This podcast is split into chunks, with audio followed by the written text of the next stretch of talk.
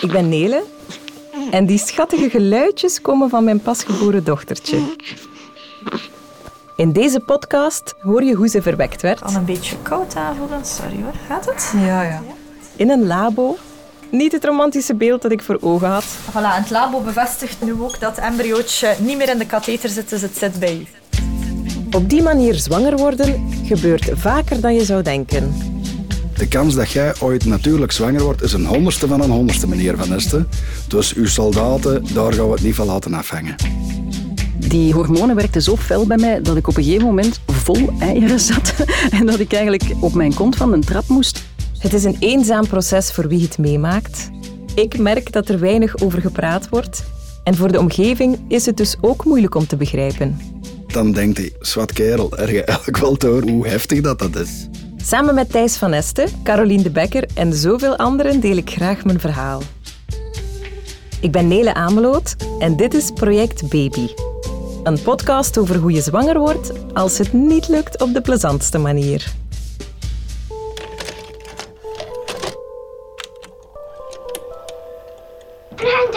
Papa komt eraan. Ik ook. Ik kom uit een gezin met vier kinderen.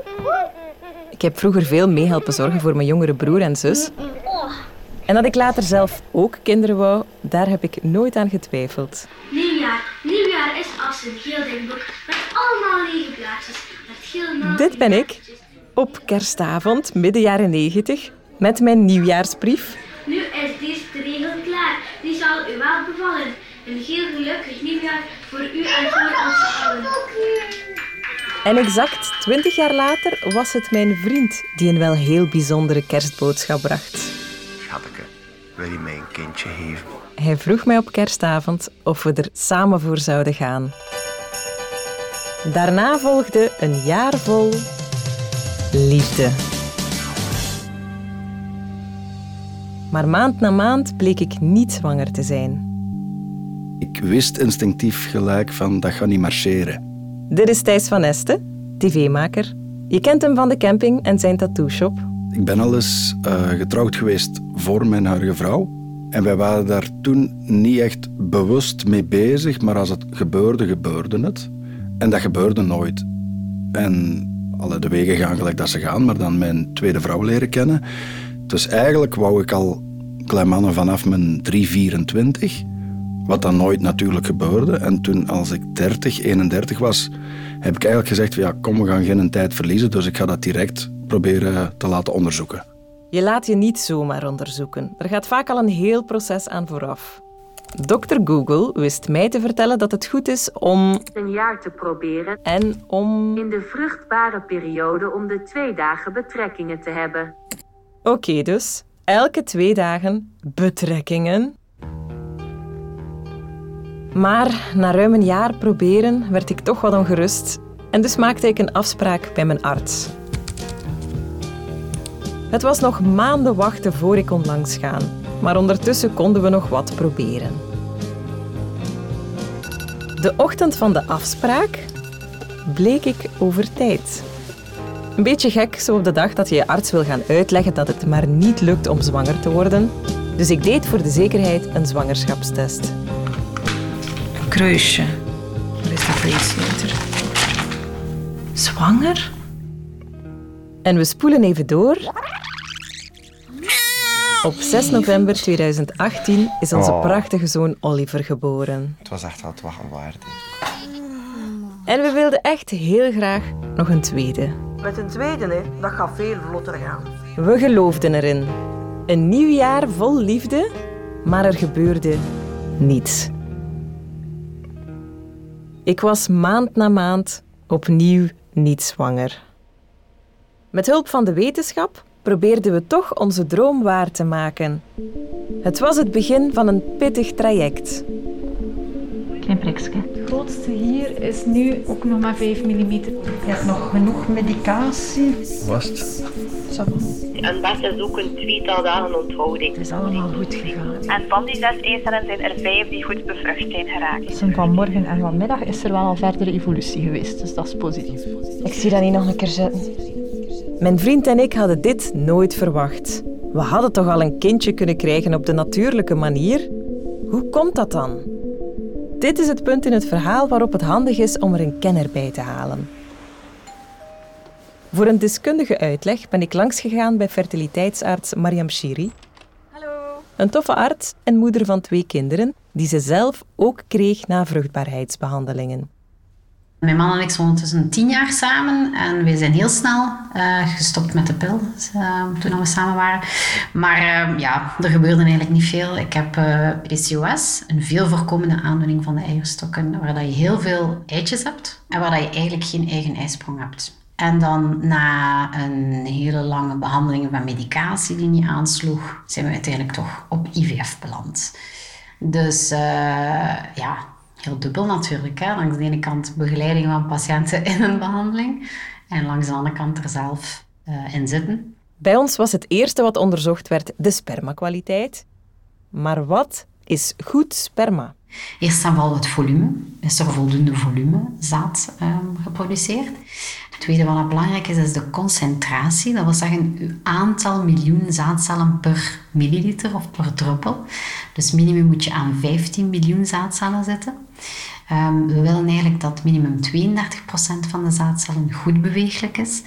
En het laatste waar we naar kijken, dat is het uitzicht van een zaadcel. En een zaadcel heeft een kopje en een staartje. En we gaan kijken naar 100 zaadcellen en we willen dat 4 van de 100 een normaal uitzicht hebben. En dat wordt allemaal in een labo onderzocht. inderdaad. Dus, um, die tellen dan? Die tellen dan. Dus uh, dat wordt gewoon opgewekt door masturbatie. En dan binnen het uur moet je op lichaamstemperatuur het staal binnenbrengen in het labo. En redelijk snel kan men daar dan uh, die analyse bij doen. Mijn vriend kreeg de opdracht een potje te vullen. Ja, ja. Ik had een vrije dag, dus ik zou voor het transport instaan. Om één uur moest ik in het labo zijn met dat potje.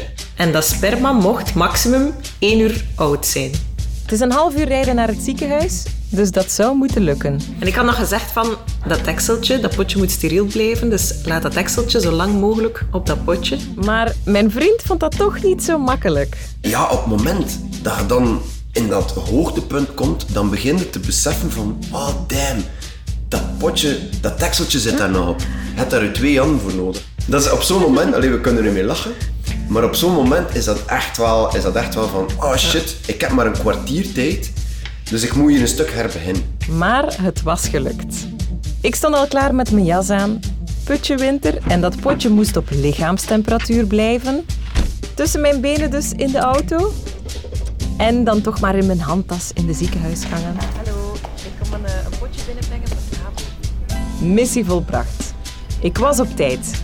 Het sperma werd onderzocht en de kwaliteit leek wel mee te vallen.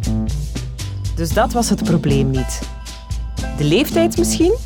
Mijn vriend was ondertussen bijna 40, ik 35. En dan gaan als vrouw je eicellen er niet op vooruit.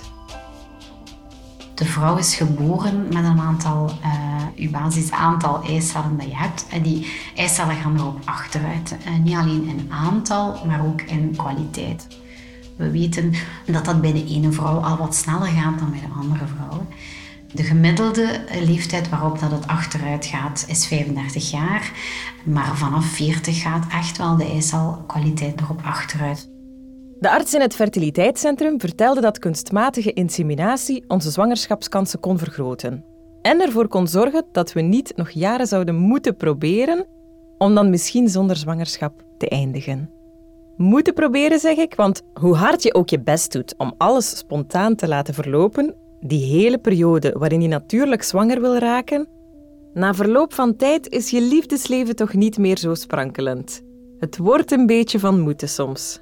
Bij een kunstmatige inseminatie gaan we de snelst werkende zaadcellen direct gaan inspuiten in de baarmoeder. Dus dat we de baarmoederhals gaan passeren. En dit op de dag van de ijsprong. En door dat te gaan doen, ga je de kansen gaan verdubbelen ten opzichte van een, een spontane zwangerschapskans. Onze artsen voorspelden eigenlijk weinig problemen. De spermakwaliteit was oké, we hadden al een kindje, dus het zou met inseminatie vlotter moeten lukken om zwanger te worden. Bij Thijs van Esten was het wel meteen duidelijk dat er een serieus probleem was. Ik heb geen super uh, exuberant leven geleid als jongeling, maar toch redelijk rock and roll. en ik voelde dat kan allemaal niet gezond zijn. eh, geweest. Dus ja, bij het eerste onderzoek bleek eigenlijk direct... We hadden een, een, een gynaecoloog met heel veel humor. En die zei eigenlijk direct, al lachend... De kans dat jij ooit natuurlijk zwanger wordt, is een honderdste van een honderdste, meneer Van Este. Dus uw soldaten, daar gaan we het niet van laten afhangen. En dat was heel cru. Ja. Maar ik vond het ook wel heel duidelijk op dat moment. ja. En hoe kwam dat binnen? Hoe voelde dat voor jou aan? Eh, wij keken naar elkaar. En mijn vrouw is ook nogal een kuitenbijter, een vechter eigenlijk. En wij hebben eigenlijk daar toen aan die bureau al gezegd... Geen probleem, we gaan dat doen. En dat gaat lukken. Ja. Zij ging er ook zo mee om. Ja. Zij wist van oké, Ja. we moeten erdoor. Voelde jij jou schuldig naar haar toe? Tijdens het proces, hè, want dat is uiteindelijk heeft dat wel een jaar of vijf geduurd, heel schuldig eigenlijk. Vooral omdat mijn vrouw is tien jaar jonger dan mij. En het lag bij mij, hè. het lag overduidelijk bij mij. En ik had, ik had als eerste reflex, ook omdat mijn vrouw eigenlijk, ik zag dat al een beetje als mijn tweede kans. En ik had heel hard het gevoel van, ik moet ik dat meisje naar dromen hier niet gaan afpakken.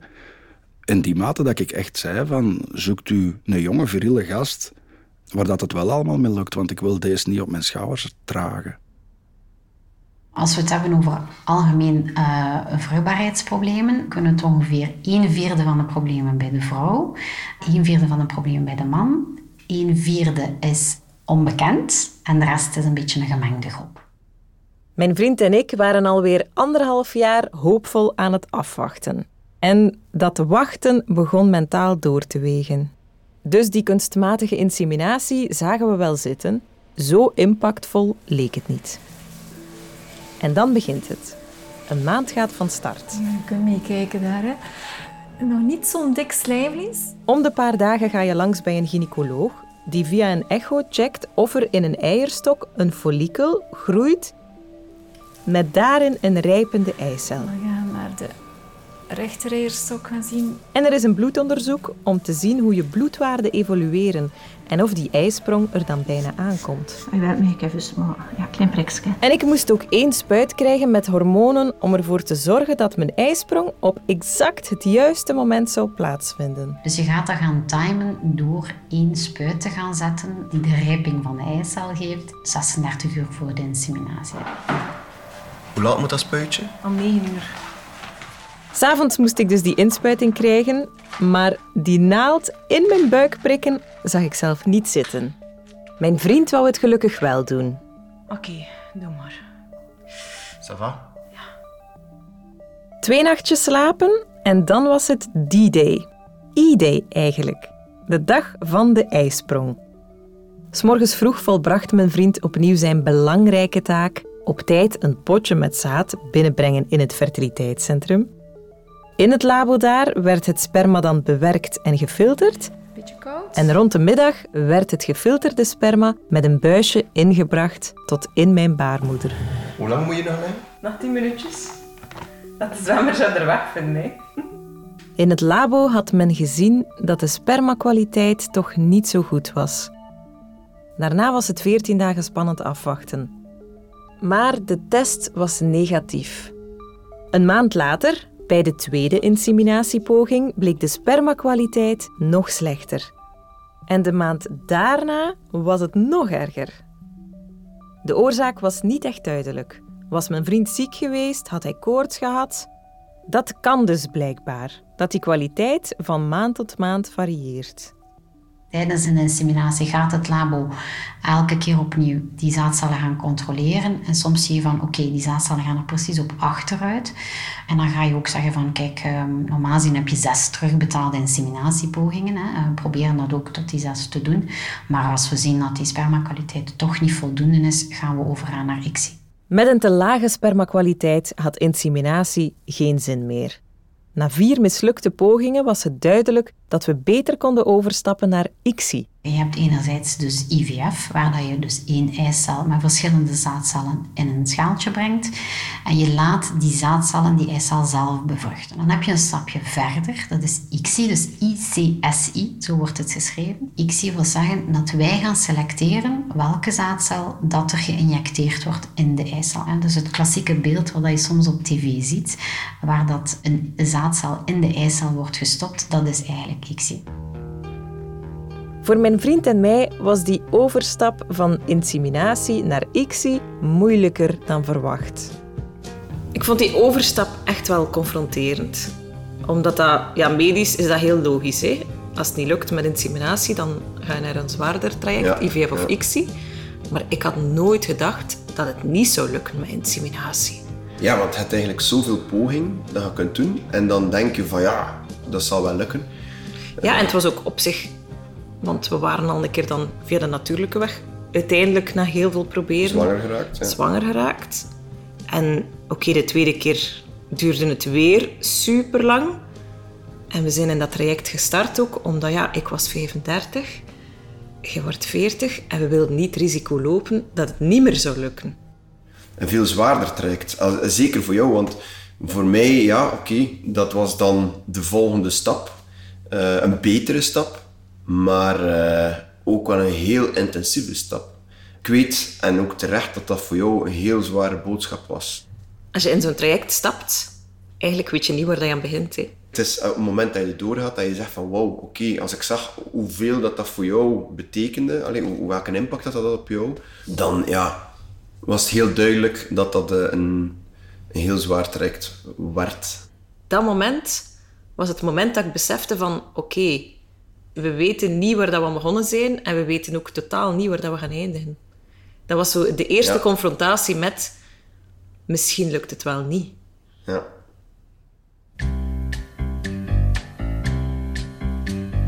Voor ons begon het met heel wat liefde, proberen.